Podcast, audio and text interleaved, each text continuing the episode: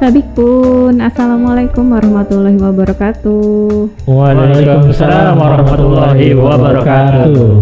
Balik lagi di sini dengan podcast Natar Ngerujak. Natar ngobrolin urusan pajak. Uh, masih bersama narasumber kita dari fungsional penyuluh KPP Pratama Natar. Yang pertama ada Pak Muhadi, gimana Pak Muhadi? Ya, Alhamdulillah Mbak Dini sehat semua Insya Allah kawan pajak semua bebas COVID ya Insya Allah bebas COVID. Iya, kemudian ada Bang Kinceng. Apa kabar Mbak? Baik, Alhamdulillah. ya, sehat ya. Selanjutnya ada Dek Andika. Awe. Bang Awe. Gimana kabarnya Bang Awe? Baik Mbak Dini. Halo kawan pajak, apa kabar? Oke, pada podcast kali ini kita akan membahas tentang PKP atau pengusaha kena pajak. Nah, banyak yang bertanya-tanya nih, misal di kalau datang ke helpdesk KPP Pratama Natar, saya mau bikin faktur nih, gimana nih ya? Harus PKP ya? Apa sih PKP itu? Apa sih hak dan kewajibannya? Nah, kali ini kita akan membahas tentang PKP secara lebih detail. Nah, untuk pertama bisa dijelasin dulu Bang Irfan, Bang Kinceng, apa sih pengusaha kena pajak itu? Jadi uh, gini Mbak Dimi, teman-teman kawan pajak semuanya yang ada di lingkungan kerja KPP pertama Natar, ya sesuai dengan Undang-Undang Pajak Pertambahan Nilai, uh, Pengusaha kena pajak atau yang biasa kita sebut PKP adalah pengusaha yang melakukan penyerahan barang kena pajak dan garis miring atau penyerahan jasa kena pajak yang dikenakan pajak berdasarkan Undang-Undang Pajak Pertambahan Nilai dan Perubahannya. Tidak termasuk pengusaha kecil yang batasannya ditetapkan dengan keputusan Menteri Keuangan kecuali pengusaha kecil yang memilih untuk dikukuhkan sebagai pengusaha kena pajak.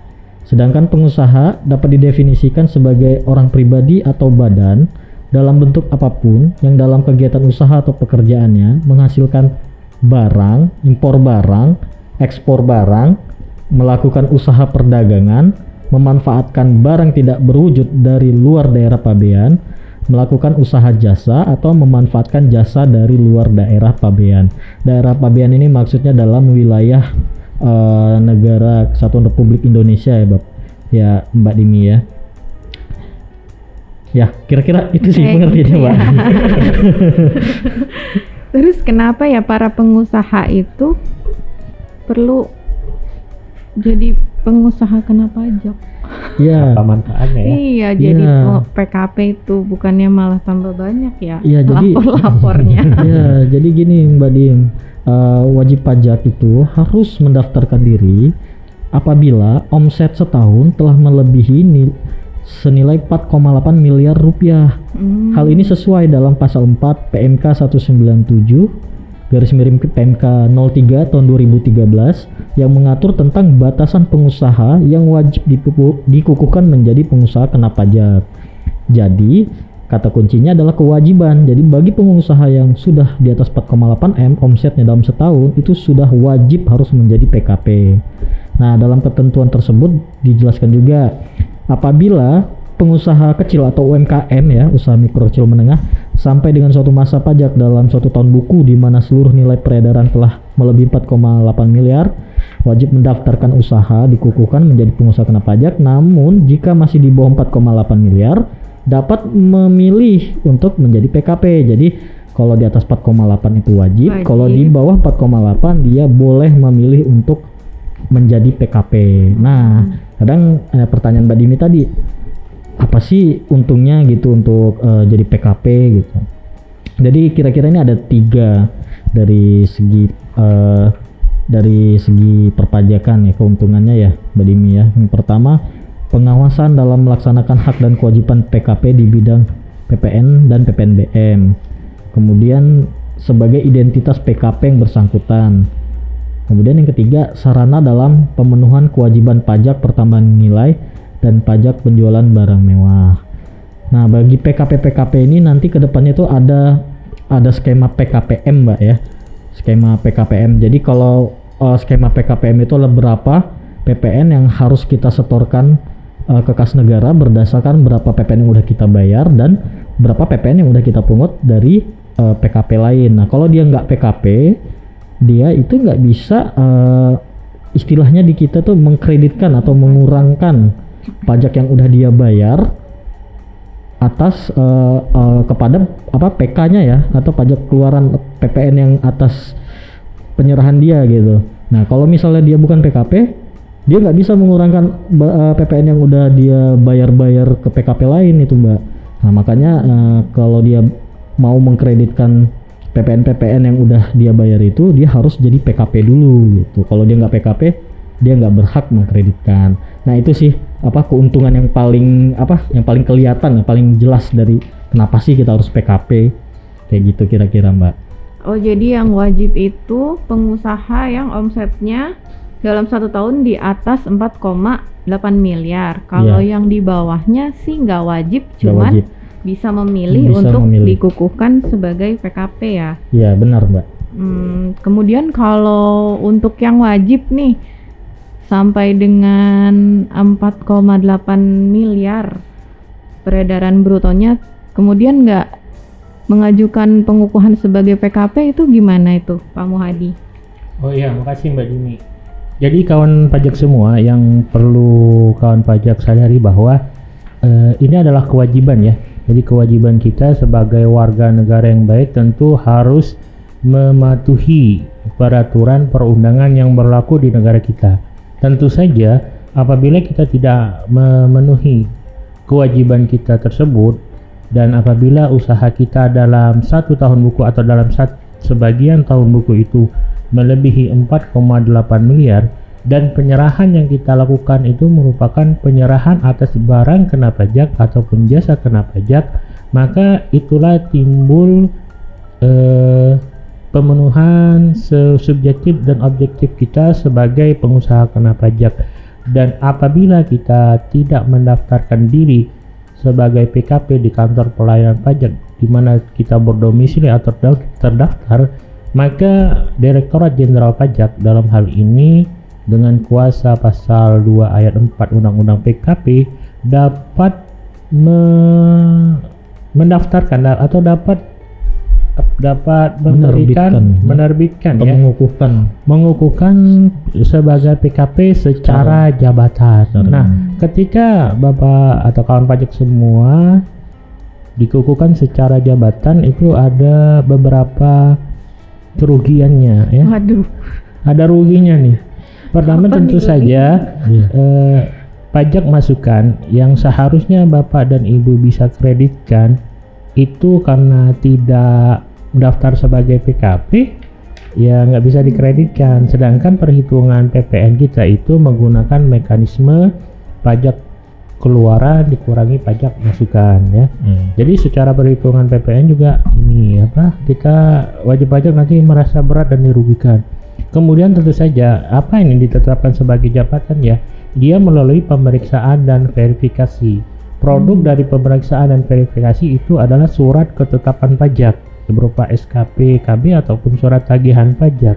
Dan tentu saja eh, dalam salah satu unsur dari SKP, KB dan STP itu ada yang namanya sanksi dan denda administrasi.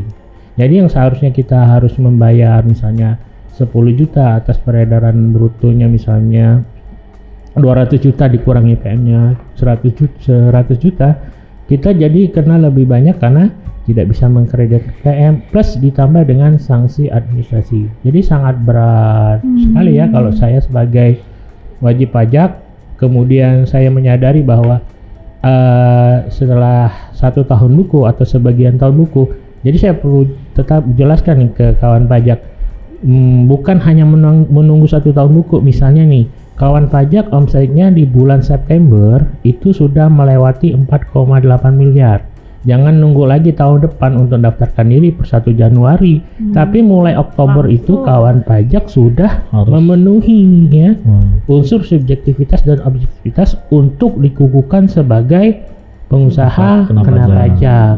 Jangan sampai keduluan sama KPP nih Iya, disuratin. di- secara Anda harus kemudian diperiksa, kemudian ditetapkan secara jabatan untuk sebagai PKP. Nah, hak-hak eh, saudara di apa di mekanisme PKPE berku menjadi hilang ya menjadi nggak bisa mengkreditkan karena anda belum terdaftar sebagai PKP plus ada sanksi dan dendanya untuk itu kawan pajak pelajari eh, apa aturan pajak dengan baik dengan mungkin mulai podcast ini atau kelas pajak ini sehingga hak-hak dan kewajiban pajak kawan pajak semua dapat dimengerti dengan baik dan dapat melaksanakan kewajiban perpajakannya dengan baik. Harapan kami kawan pajak itu yang membayar pajak sesuai dengan aturan yang sebenarnya tanpa kena sanksi seperti itu. Karena sanksi memberatkan ya Bang Kinceng ya. Iya, jadi ya itu lagi kalau dia nggak segera mendaftarkan diri ketika persyaratan subjektif dan objektif telah memenuhi, ya K- KPP bisa mener- menerbit mengukuhkan PKP secara jabatan ditambah sanksi, uh, sanksi, dan pokok PPN yang harus dibayar. Jadi tanpa bisa malah- mengkreditkan tanpa nanti. bisa mengkreditkan karena nggak sempat iya, membuat SPT. Ya gitu kawan pajak Iya. jadi rugi-rugi rugi banget ya kan. Jadi rugi sekali Ruginya double. Ruginya banyak kali nggak mau mendaftarkan diri. Iya. Hmm, kemudian eh, kalau yang datang ke helpdesk KPP Natar nih kebanyakan kan mau bikin faktur aja gitu alasannya gitu. Jadi dia minta apa permohonan pengukuhan sebagai PKP. Sedangkan kayaknya dia belum tahu tuh kewajiban PKP Iya. tuh apa aja tuh. Bisa dijelasin nggak, Mas Awe, kewajiban dari pengusaha kena pajak tuh apa aja kalau udah dikukuhkan? Ya Mbak Dimi, yang pertama itu kan itu wajib itu membuat faktur pajak pada saat penjualan barang atau jasanya barang yang kena pajak atau jasa kena pajak tadi itu Mbak Dimi. Nah setelah itu melakukan pemungutan PPN yang terutang sebesar 10% dari DPP. PPN saat penjualan ini eh, biasanya disebut pajak keluaran seperti yang tadi dijelaskan Bang Ginceng sama Pak Muhadi. Namun nanti dikurangkan dengan pajak masukannya hasil pengurangannya itu kalau misalnya kurang bayar harus disetor ke negara.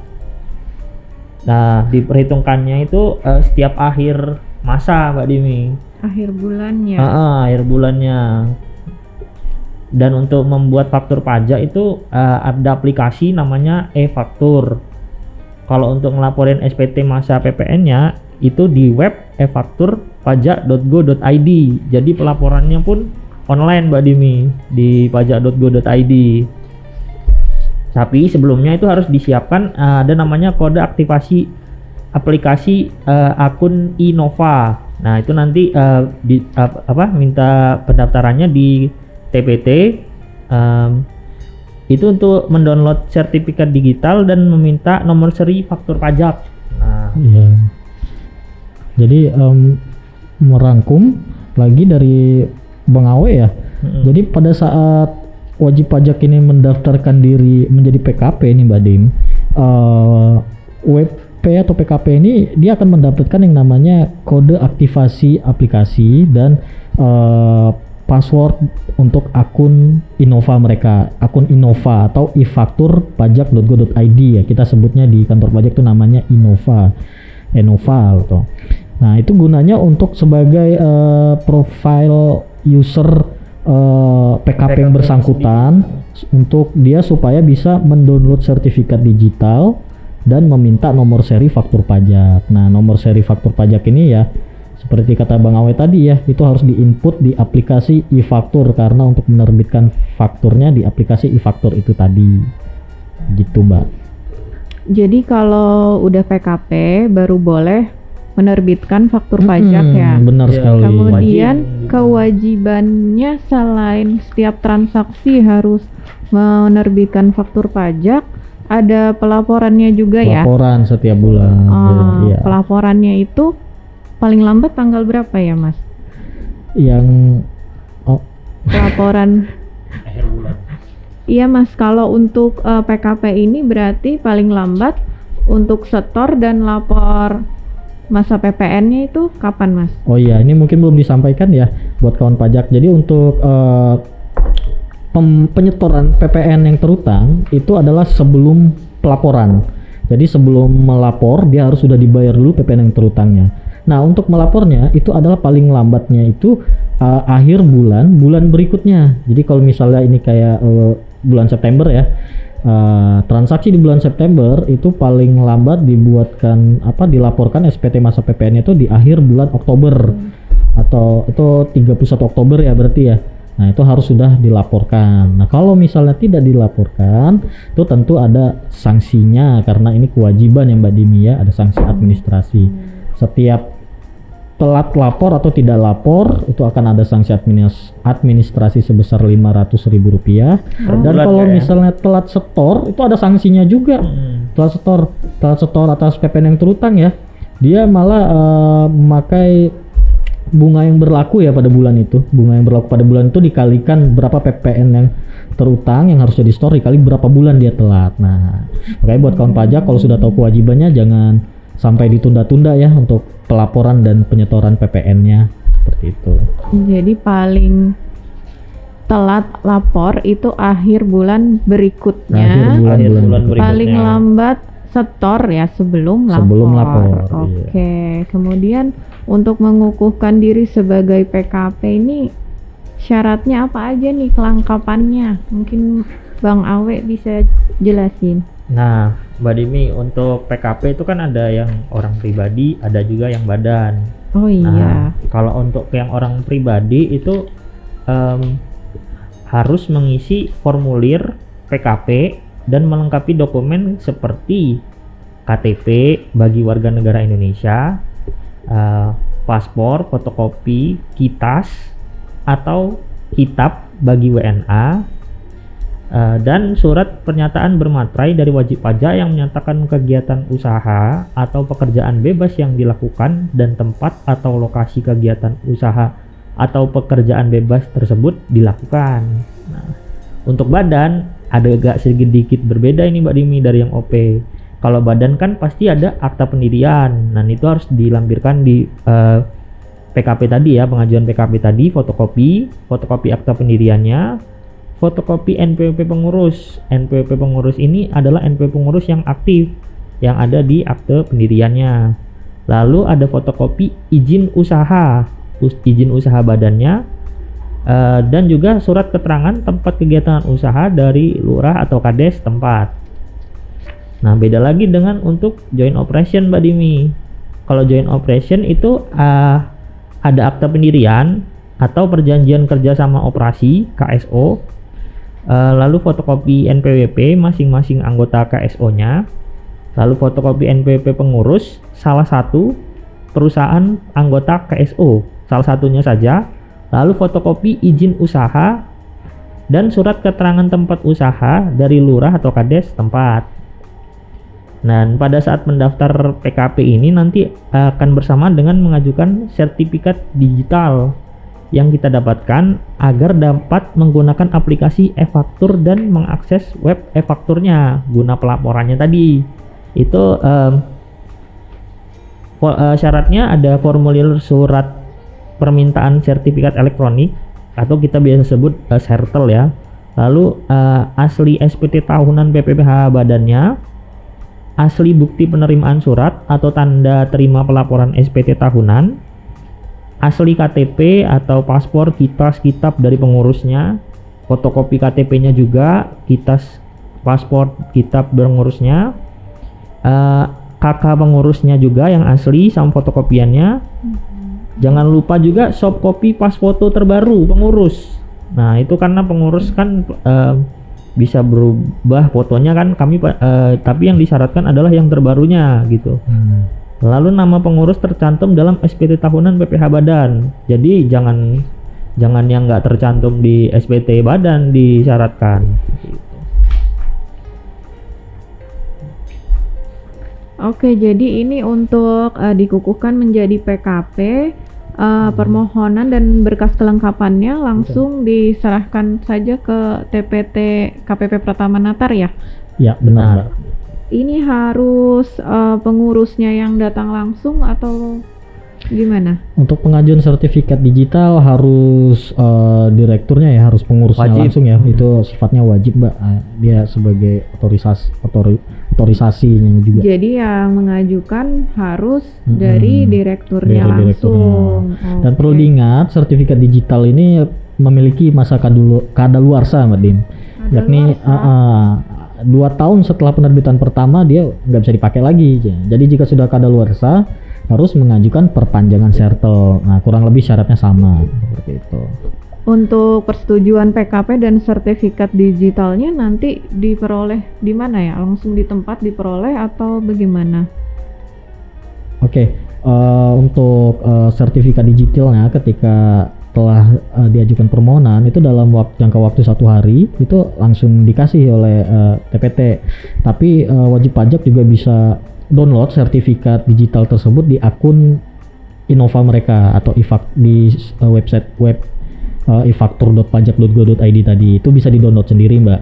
Oh, berarti nanti setelah mendapatkan sertifikat digital, mereka itu bisa punya akun yang isinya profil dan sertifikat digital itu ya? Nah, jadi pada saat mereka mengajukan PKP nih, mereka kan udah dapat eh, password untuk akses Innova itu gitu. Pada eh, ketika dia udah dapat akses Innova, eh, biasanya email eh, dikirim email ya untuk passwordnya. Itu eh, dia tinggal login ke ifaktur.pajak.go.id. Nah, di situ ada profil dia sebagai PKP ada di situ semua. Di situ ada kode aktivasi untuk eh, memakai aplikasi fakturnya, kemudian ada menu untuk download sertifikat digitalnya.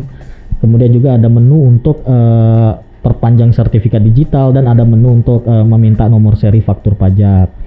Jadi eh, pada saat sertifikat digital udah diterima atau dimiliki, itu pada saat menginstal aplikasi e-faktur nanti itu diminta dia mbak, diminta dan diminta juga ada yang namanya paspres. Nah paspres ini juga eh, pada saat mengajukan PKP nanti sama petugas kita eh, diminta apa paspresnya gitu. Nah pa- jangan sampai lupa dicatat itu karena biasanya itu banyak WP-WP kita ini lupa mbak paspresnya apa sehingga dia reset lagi mengulang lagi untuk meminta sertifikat digital Padahal lagi. yang tahu WP sendiri kan. Iya, padahal yang tahu WP sendiri. Iya, ya. tapi nanyanya ke Nanya- pajak Nanyanya ya. ke kita nih paspresnya apa, kayaknya kita kan nggak tahu. Nah, pada saat mereka mengajukan PKP itu diminta eh, pa- untuk membuat paspres. Nah, kalau sudah nanti eh, sertifikat digital itu diinstal ke aplikasi e-fakturnya, kemudian juga diinstal ke browsernya, Mbak. Nah, ini juga kadang sering lupa nih diinstal ke browsernya kenapa? Karena untuk mengakses eh, web ifaktur.pajak.go.id yang digunakan untuk pelaporan SPT masa PPN, dia memerlukan sertifikat digital juga. Nah, jadi sebelum mengakses web ifaktur.pajak.go.id untuk lapor SPT masa PPN, dia harus install dulu itu sertifikat digital. Kalau enggak, enggak bisa. Pada saat menginstal nanti diminta lagi paspresnya gitu. Jadi kalau misalnya dia udah install di e-faktur, dia udah bisa buat e-faktur. Kalau misal dia udah install di web di browser, dia udah bisa laporan. Kira-kira seperti itu. Nah, satu lagi Mbak, untuk eh, akun Innova tadi ya itu kan eh, tempat untuk minta nomor faktur juga ya. Mm-mm. Jadi pada jadi saat aplikasi jika aplika- jika aplikasi e-faktur udah dimasukkan ke desktop e-faktur, kan itu untuk me- untuk buat faktur dia nanti minta nomor faktur. Mm-mm. Nah, nomor faktur ini harus kita minta di akun Innova tadi. Nah, untuk meminta nomor seri faktur bagi PKP baru itu bisa langsung minta. Namun untuk selanjutnya permintaan nomor seri faktur itu dilakukan dengan syarat PKP telah melaporkan SPT masa PPN tiga bulan terakhir. Jadi dia kalau misalnya belum lapor SPT masa PPN, dia nggak bisa nomor uh, minta otomatis nggak Ah, ah, bisa nggak- ya otomatis nggak bisa ditolak. sistem. Jadi harus uh, rutin lapor dulu. Harus rutin lapor dulu. Baru bisa untuk minta nomor, Nomor faktur, faktur, iya. selanjutnya gitu ya. Iya. Jadi yang harus diingat sama PKP yang baru dikukuhkan ini yang pertama dapat email paspres ya Nah, untuk ya. login, kemudian download dulu sertifikat digitalnya, Iya, iya. install dulu di browser Di dan browser dan laptopnya. Iya, di, lap- di laptop itu di aplikasi Ah, ah. e-fakturnya ya mbak ya Kemudian harus eh, diinstal juga ya aplikasi e-fakturnya iya ya. iya. Jadi diinstal dulu aplikasi e-faktur. Pada saat proses penginstalan dia minta sertifikat digital tadi. Oke, itu kita bisa install sendiri atau bagaimana? ya sebenarnya uh, kalau dibilang susah sih enggak ya mbak ya. Uh, susah-susah gampang lah. Sebenarnya kemudian juga tutorialnya juga banyak di video-video YouTube. Cuman untuk uh, buat teman-teman yang butuh bantuan cara penginstalannya itu bisa datang langsung ke helpdesk kantor kita atau menghubungi nomor layanan konsultasi WhatsApp, ikut kelas-kelas pajak kita atau langsung coba-coba sendiri tadi aja secara mandiri. Oh, Ya. installernya ada di mana itu, Bang Nah, untuk eh, kalau misalnya mau diminta ke kantor bisa, kita ada ya, misalnya kita langsung kasih, kita instalkan. Cuman kalau misalnya mau download sendiri bisa ya, ada di eh, website pajak.go.id di menu aplikasi perpajakan, di situ ada eh, menu e-faktur 3. Nah, itu bisa di-download dan- E-faktur versi Tiga, iya. 3.0 Oh, ya. iya benar, Mbak. Gitu Ah, kira-kira. Oke. Jangan lupa bawa laptop sama flash disk kalau ke kantor kalau ada. Nah iya kalau minta install itu penting ya jangan minta install faktur mau buat faktur tapi nggak bawa laptop Iya, karena laptop di sini. ya dan Iya, ini jadi- uh, untuk saat ini udah udah kompatibel buat uh, semua laptop ya mudah-mudahan mau itu laptop ya. Windows atau Mac dia udah bisa kalau udah bisa gitu jadi nggak usah khawatir yang belum bisa ya Android aja mungkin belum bisa install Iya. factory Android Berarti harus disiapkan juga perangkat atau laptop yang khusus untuk laporan Iya, PPN ini laporan sama PPN. buat terbitin fakturnya ya. iya benar mbak Ah, ah, mungkin ah, mau diingatkan lagi nih layanan ah, chat KPP Natar ada juga yang untuk melayani sertifikat elektronik dan pengukuhan PKP di nomor 0852 6708 7720. Jadi mungkin untuk eh, wajib pajak KPP Pratama Natar yang mau tanya-tanya dulu berkasnya bagaimana, kurang lengkap atau prosedurnya gimana, bisa chat dulu ke layanan PKP dan sertifikat elektronik di 0852 6708 7720. Ada lagi tambahannya Pak Muhadi? Ya, untuk kawan pajak semua eh, perlu kami ingatkan bahwa setelah kawan pajak terdaftar sebagai PKP itu diwanti-wanti jangan lupa lapor ya melalui aplikasi web faktur ya Bang Cincin ya. iya benar Karena dendanya tuh lumayan tuh 500 ribu ya. Per bulan lagi pak Per ya. bulan 500 ribu. kadang kadang pajaknya nggak ada dia bayar sanksinya lima Sanksinya doang 500 ribu. Kadang mikirnya itu kalau nggak ada transaksi nggak usah nggak usah lapor ya gitu. Ini Padahal kita tegaskan nih ah, enggak ya wah nggak ada transaksi, Wajib, tetap ya. tetap lapor wajib lapor Wajib. setiap bulan. benar paling didenda lambat kan. Iya. akhir bulan berikutnya. Berikutnya. Kalau Apalagi- misalnya nggak ada transaksi ya enak kan Ya, enak. Tinggal Lapor aja. nihil-nihil aja Iya, dan iya. mudah kalau sudah tinggal dari rumah ya Mbak Dini ya. sambil Iya. ngopi sambil makan bisa sambil ngerujak sambil ngerujak kita bisa lapor SPT masa PPN dengan klik eh makan rujak oke lapor di web eh faktur.pajak.go.id. Oke, alhamdulillah nih Hmm. sudah tercerahkan ya Ah, kewajiban mudah-mudahan para pengusaha kena pajak. Ya, mudah-mudahan. Mudah-mudahan bermanfaat buat kawan pajak yang mendengarkan podcast Natar Ngerujak. Sampai ketemu di podcast selanjutnya. Wassalamualaikum warahmatullahi wabarakatuh. Waalaikumsalam warahmatullahi wabarakatuh. Natar Ngerujak. Sudah rujak belum hari ini?